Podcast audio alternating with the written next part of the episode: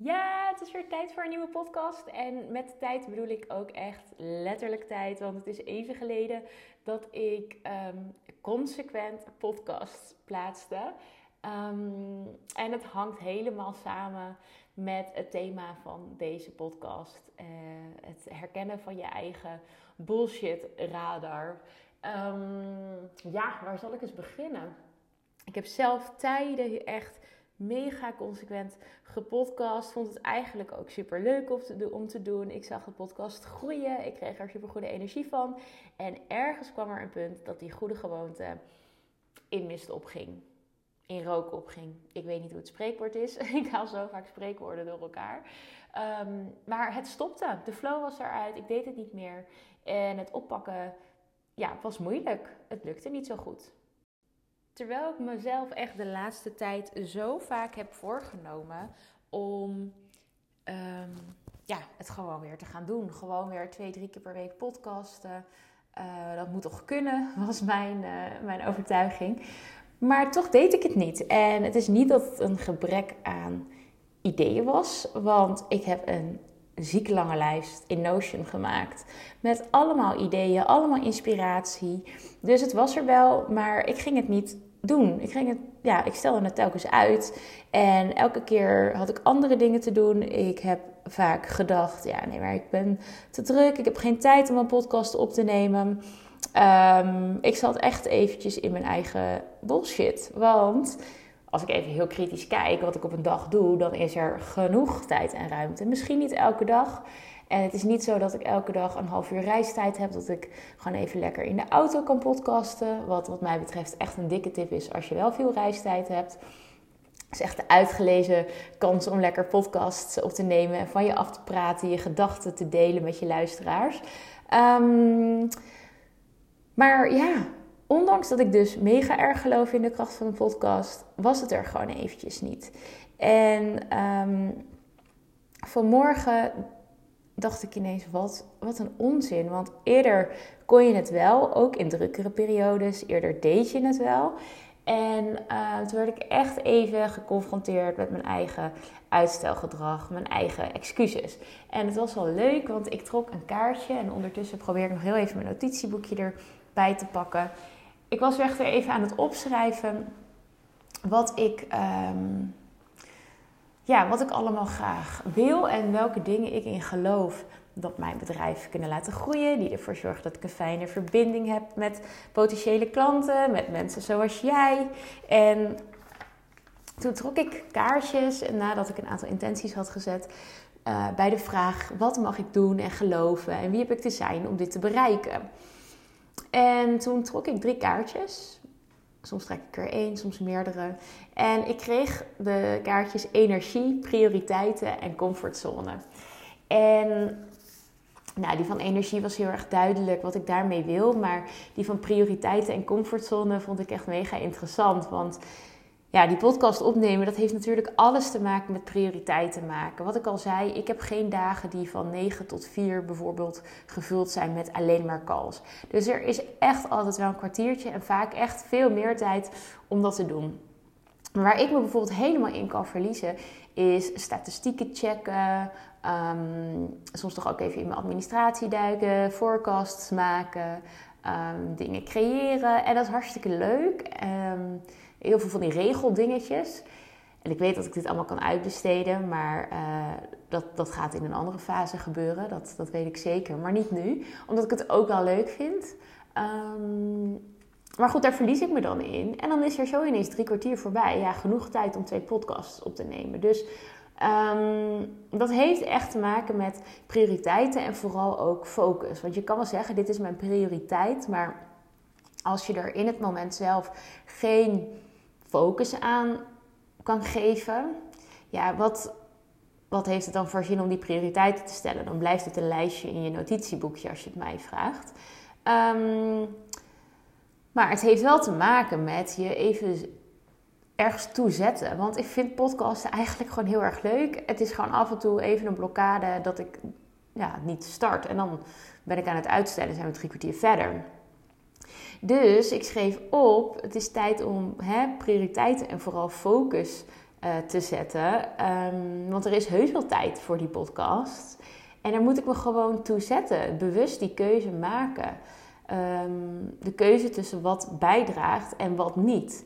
En dat vaker evalueren met mezelf totdat het weer een uh, goede gewoonte wordt om dit te doen. Want er was een tijd dat het gewoon een gewoonte was om al die podcasts op te nemen. Dus het is grappig hoe dat weer kan weghebben. Dus wat ik ga doen is dagelijks en vaker inchecken op de vraag: moet ik dit nu doen? En ehm, het mooie aan die vraag is dat je hem op heel veel manieren kan stellen. Moet ik dit nu doen? Moet ik dit nu doen? Moet ik dit nu doen? Moet ik dit nu doen? Uh, en elke keer betekent die iets, uh, iets anders. Um, maar daar wil ik echt vaker bij inchecken bij mezelf. En de grap is, ik trok dus ook het kaartje comfortzone. En normaal zou ik bij comfortzone denken aan extreme dingen doen. Zoals ik heb gisteren mijn uh, eerste live event voor niet-klanten gegeven. En dat is ook de eerste keer uh, dat ik echt ook een geleide visualisatie heb gedaan voor een groep mensen. Nou, dat waren allemaal eerste keren uit mijn comfortzone. Dus dat zijn vaak de dingen waar ik aan denk als we het hebben over de comfortzone. Maar comfortzone is natuurlijk ook um, vasthouden aan oude ritmes. Dus ik heb opgeschreven, ja, die comfortzone, dat is een mooie. Want dat oude ritme, waarin ik geen weerstand hoef te bieden um, aan dingen die eigenlijk geen prioriteit hebben, maar mezelf toestaan om dat te doen, dat is ook comfortzone. Gewoon vanuit gemak bewegen. En dat is heel verleidelijk om daarin te blijven hangen. Maar daar wil ik mezelf echt meer in stretchen. Dus ik heb opgeschreven, ik ga uit het comfort van mijn huidige ritme en ik ga mijn prioriteiten eren. En uh, ja, dat vind ik nogal een dingetje, maar ook heel erg belangrijk. En dat is dus niet alleen met het podcast, maar er, er is ook nog iets anders. Dat is interessant. Ik was um, in Vietnam uh, ik ben nu twee weken weer terug op het moment dat ik deze podcast opneem. Maar wat ik merkte was dat vooral de eerste dagen, maar ook gewoon wel gedurende de hele reis, dat ik best wel goed ging op het ritme van smiddags een warme maaltijd en s'avonds een warme maaltijd.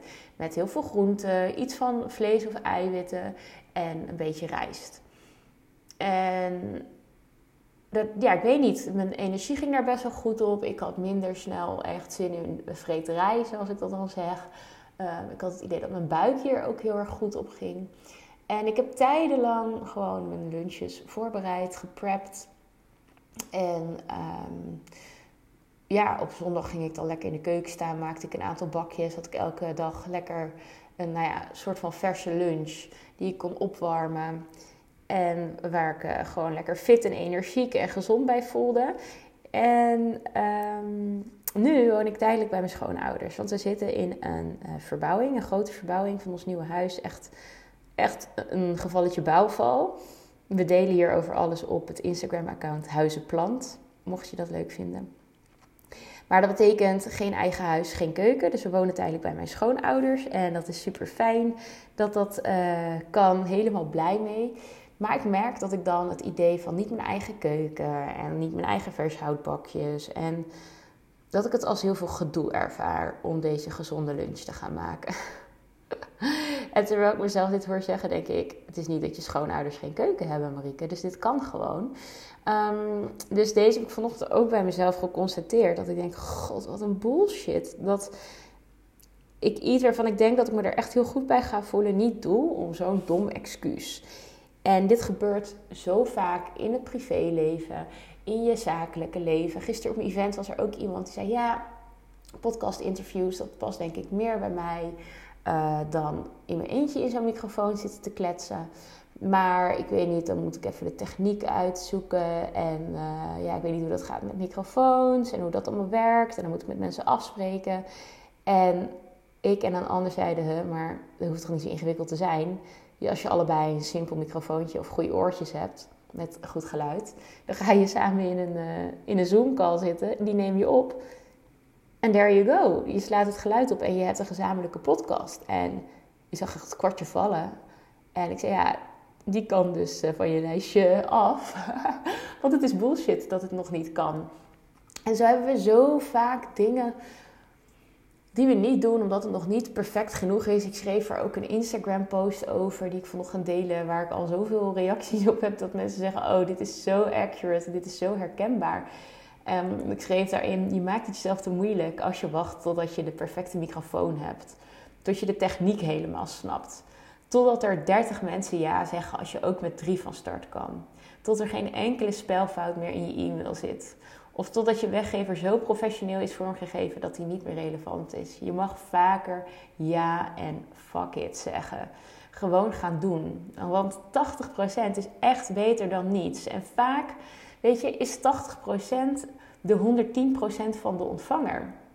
En um, dat, dat komt vaak zo hard binnen als ik dat bij mensen zeg. En als ik zeg, ik hoor gewoon de bullshit radar uh, klingelen. En misschien zie je het zelf niet, maar ga dan eens in gesprek. hey, ik wil dit graag. Ik zie heel veel obstakels. En degene tegenover je kan je misschien zo'n nieuw perspectief geven. En dat is wat ik je gun, want dan ga je stappen zetten die daadwerkelijk voor groei zorgen. Dus check eens bij jezelf. hey, uh, hoe kan ik in beweging komen? Um, ik wil niet streven naar perfectie. Um, ik wil bepaalde doelen bereiken. Daarvoor heb ik uit die comfortzone van, van mijn huidige gewoontes te gaan. Hoe ga ik dat doen? Um, wat is de bullshit? Hoe kan ik die tackelen? En, en gewoon gaan doen. En dan zul je zien dat je veel meer gaat groeien. En dit delen vind ik natuurlijk weer heel spannend. Want dat betekent ook dat ik een soort commitment maak naar mijn podcast. Naar jou als luisteraar. Ik ben mega benieuwd hoe dit voor jou is. Wat bij jou een topic is waarbij de bullshit radar hoort rinkelen. Misschien heb je iets waarvan je denkt: Nou, Marie, is geen bullshit. Er is echt een goede reden dat ik dit nu niet doe, maar misschien zie jij dat anders. Wil je daar eens, wil je me daar eens op challengen? Stuur me dan even een DM via Instagram. Je kan me vinden als je zoekt op mariekeplant.nl. Dat vind ik echt mega leuk om met je mee te denken. Maar deel eens je ervaringen hiermee. Check eens in bij jezelf. Um, want je gaat zoveel mooie stappen zetten als je het wel gaat doen. En um, de deuren van Level Up gaan bijna weer open. Mijn 12 weken programma waarin ik je ga helpen om dit soort bullshit excuses aan de kant te zetten. Waarbij we aan de slag gaan, waarbij we samen in focus sessies plannen maken. Um, maar vooral ook hoe je je plannen gaat uitvoeren. Dus niet nog meer plannen en dan zeggen ik weet niet wat de volgende stap is. Maar gewoon een plan kiezen en ervoor gaan. Achter die stippen op de horizon aan. Um, het is een groepsprogramma met één op één coaching. Superleuke mix. En um, ik ga je helpen op het gebied van marketing, op het gebied van mindset, op focus en heel veel stappen zetten in 12 weken. Ik kan echt uh, niet wachten om jou daarbij te mogen helpen. Heb je daar nu vragen over? Let me know via Instagram. En ik zal in de show notes ook even een linkje zetten naar Level Up. Um, voor nu dankjewel voor het luisteren. Ik kijk uit naar je ervaringen en tot de volgende.